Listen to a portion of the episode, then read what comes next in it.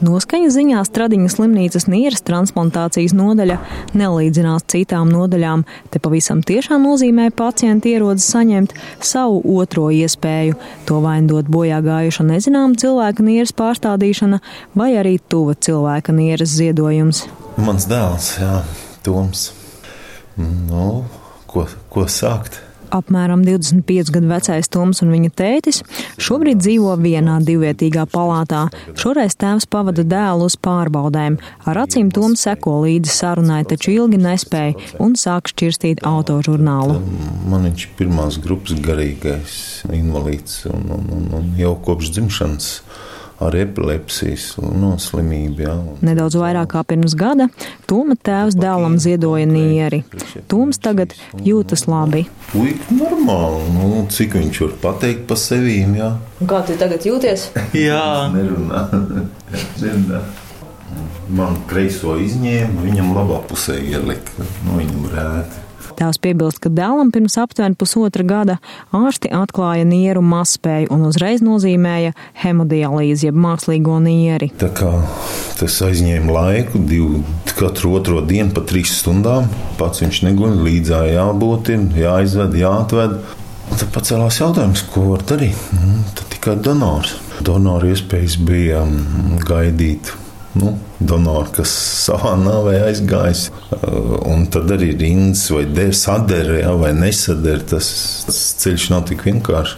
Nu, tad mēs dabīgi teicām, ka varbūt mēs paši varam. Pirmo nedēļu atbrauc sievas kundze uz nedēļu. Iznākums bija, ka nu, der, ja, ka var no viņas arī, bet nu, es saku, nu, mēģinam arī mani. Izrādījās, ka sadarība ir arī tēvam, un ārsti nolēmuši, ka transplantācijai labāk derēs tēva niere. Tad bija tā, ka mēs atbraucām vispār trietā. Visi ievari. Jo, jo Toms ja viens, viens pats nevarēja neko nu, darīt. Es biju atsevišķi, un sieva dēls gulēja ot, nu, šādā vienā palātā.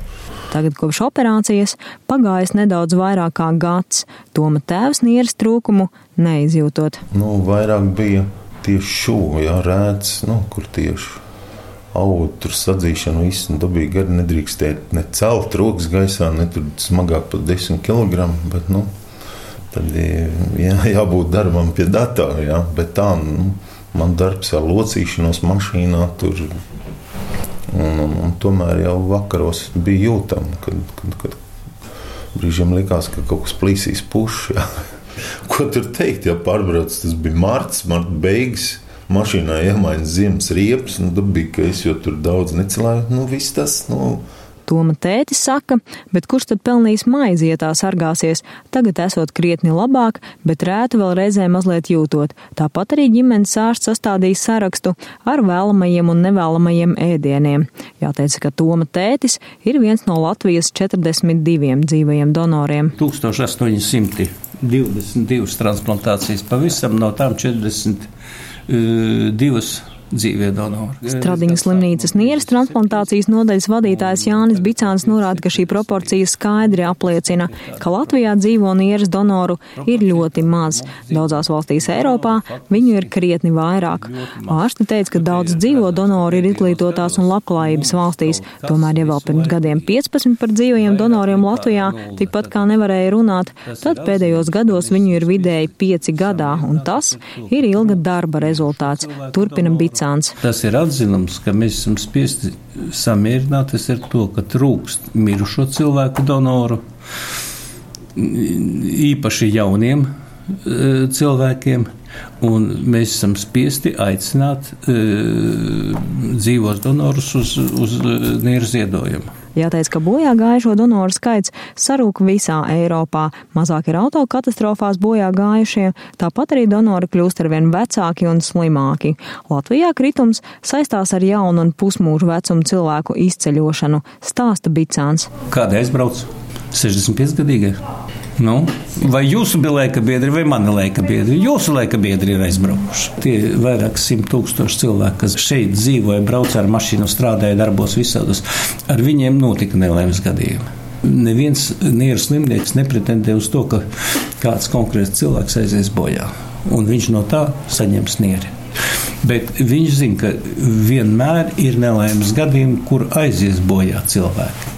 Līdz ar to mums paliek tas, tiem, kam ir smadzeņu problēmas, tas ir smadzeņu asinsrites traucējumi, kuri ir tomēr nevis jaunākiem, bet nu, tomēr vecākiem cilvēkiem vairāk. Krītoties bojā gājušo donoru skaitam, Eiropā aug dzīvo donoru skaits, tāpēc šobrīd pat ir ideja Eiropā veidot vienoto dzīvo donoru reģistru. Tas būtu kā reģistru reģistrs. Tajā iekļautu datus par visu dzīvo donoru veselības rādītājiem pirms un pēc operācijas, proti par tiem, kas ziedojuši orgānus, nieri vai daļu aknas. Tāpēc Eiropas komisijas līdzfinansētās apjomīgās akordu programmas laikā deviņās valstīs tika uzsākts pilotu projekts, uzkrājot datus par nieres donoriem noteiktā laika periodā. Um, say, Uh, we can, we can start... Sākumā es gribēju teikt, ka mēs varam sākt dzīvo donoru reģistru kaut nākamajā minūtē, taču, lai nebūtu pārāk optimistisks, teikšu, ka mēs varam sākt rīt, no rīta. Tomorrow morning. Thank you. Tā, kur programmas noslēguma konferencē Madridē sacīja pilotu projekta vadītājs Andries Oitsma, vērtējot darba rezultātus. Šajā pilotu projektā piedalījās arī Stradiņa slimnīca. Jāteic, ka Latvijā šie donoru dati visu laiku tiek uzkrāti, ārsti arī seko līdz pēc operācijas donoru veselības stāvoklim, tikai pagaidām nav vienotas elektroniskas datu bāzes.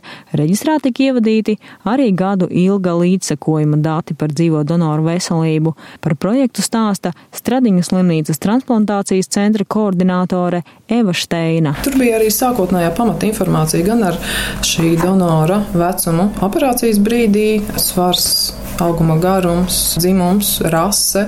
Tālāk ir operācijas tehnika, vai šī bija laparoskopiska vai laparatomiska operācija par asinsspiedienu pirms operācijas periodā, pēc operācijas periodā, par lietotiem medikamentiem, par analīžu rādītājiem pirms operācijā, pēc operācijas periodā.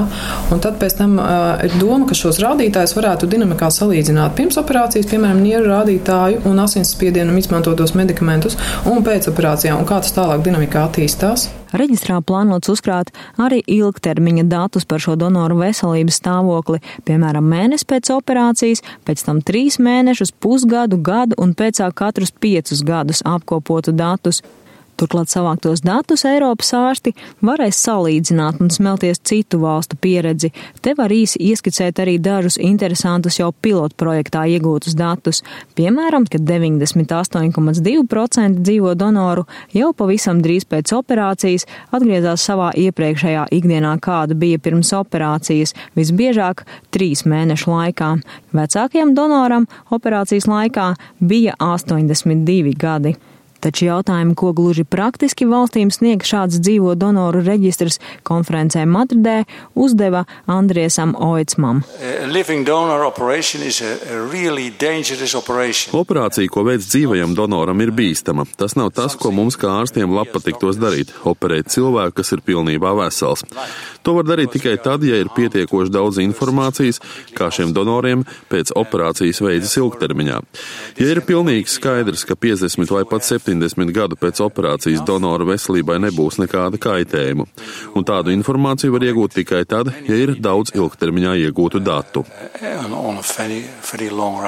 Uz iegūmiem norāda arī pilotu projektā iesaistītā Vineta Vaivode no Stradiņas slimnīcas projektu vadības daļas.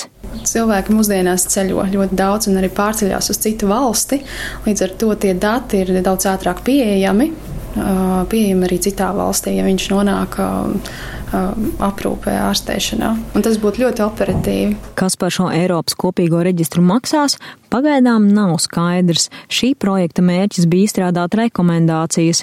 Nākamais solis būs vērsties pie Eiropas komisijas ar lūgumu īstenot jaunu iniciatīvu reģistru izstrādēji. Tiesa valstīm visticamāk būs jārēķinās ar nacionālo līdzfinansējumu. Cik lielu un kā to aprēķinās, pagaidām nav zināms.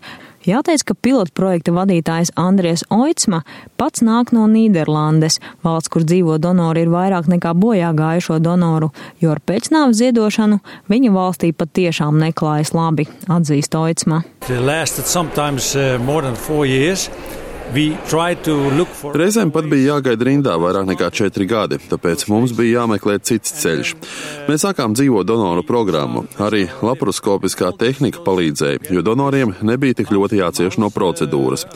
Tas viss kopā ar reklāmu no mutes mutē palīdzēja ar katru gadu palielināt dzīvo donoru skaitu.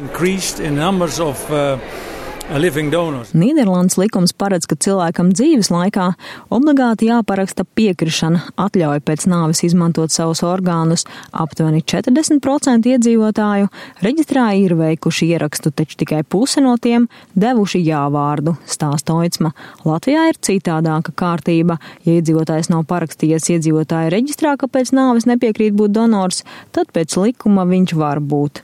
Tomēr kā Nīderlandē cilvēki pārvar nedrošību un izšķiras būt būt dzīvie donori, Latvijas radio pēc konferences uzrunāja Andriesu Oicmu.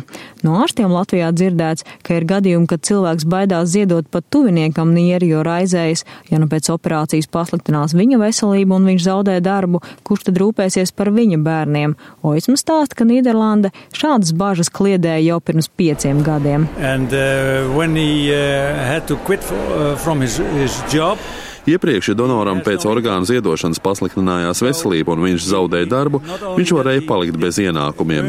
Arī tagad par pašu ziedošanu, protams, nav nekādas atlīdzības, taču, ja cilvēks operācijas dēļ zaudē ienākumus, tad valsts viņam turpina maksāt zaudēto algu. Tas patiešām palīdz. Oicam arī norāda, ka Nīderlandē ir izplatīta tā dēvētā altruistiskā ziedošana, kad ziedo ne tikai tuvinieks tuviniekam, bet arī pavisam nezināmam cilvēkam. Varbūt iepriekš ģimenē bijusi nelaime, un tad cilvēks domā, es nevaru palīdzēt savam radiniekam, bet varbūt varu palīdzēt kādam citam, kam nepieciešama palīdzība. Vai arī man ir divas veselas nieres, es varu palīdzēt kādam līdzcilvēkam. Un šādu altruistisko donoru ir arvien vairāk, un viņi ir ideālie donori, jo viņi to dara tikai un vienīgi pēc brīvas gribas. Ja nieri ziedo ģimenes loceklis, nekad nevar būt pilnīgi drošs vai nav bijis spiediens. Taču altruistisko donoru gadījumā tāda nav, un arī nauda nevar būt iesaistīta, jo viņi nezina, kam pārstāda orgānu. No, no Latvijā gan dzīvie donori parasti ir pacienta tuvinieki, vairākums asins radinieki un daļa arī tā dēvēta tie emocionālie radinieki, dzīves biedri, draugi vai paziņas. Ir cilvēki, kuri tik ļoti vēlas savējam ziedot, ka pat gatavi pamatīgi mainīt savus paradumus. Kāds tēvs, lai varētu ziedot nieres vai meitai, pusgadā zaudējis 30 kg svara. Par labāko vecumu dzīvajam donoram Jānis Bicāns no Stradiņas slimnīcas sauc 45, 60 gadus. Protams, ja cilvēks ir pilnīgi vesels. Pirmkārt, sieviete. Reproduktīvais periods garām. Nu, otrs, tātad tie dzīves plāni, dzīves situācija ir nostabilizējusies un, un īpaši ļoti nemainās. Dr. Bicāns uzsver, ja ārsti nav pilnībā pārliecināti, ka donors varēs dzīvot bez nieres, viņi nekad nepiekritīs nieres izņemšanai. Vēl jānorāda, ka Latvijā likumi paredz pēc orgānu ziedošanas, turpmāk veselības aprūpe donoram ir bez maksas. Tāpat arī ārsti vēlētos sekot līdzi donoru veselības stāvoklim pēc ziedošanas operācijas un vēlētos viņus redzēt Stradiņas slimnīcas ambulatorijā daļā. Taču vismaz kāda daļa donoru pēc operācijas pazūd, jo nejūtas vairs kā pacienti un nevēlas apmeklēt slimnīcu. Viss iet un darās un uz, uz, kā varētu teikt, uz organismu pašu tādu. Organismu lietošana tas ne, neatsaucās slikti neko. Arī Toma tētis, kurš dēlam ziedoja nieri, nosmējas, ka par to, ka viņam vairs nav otras nieres, viņš atceras tikai rētas dēļ. Citādi var arī aizmirst. Laura Dzērve, Latvijas radio.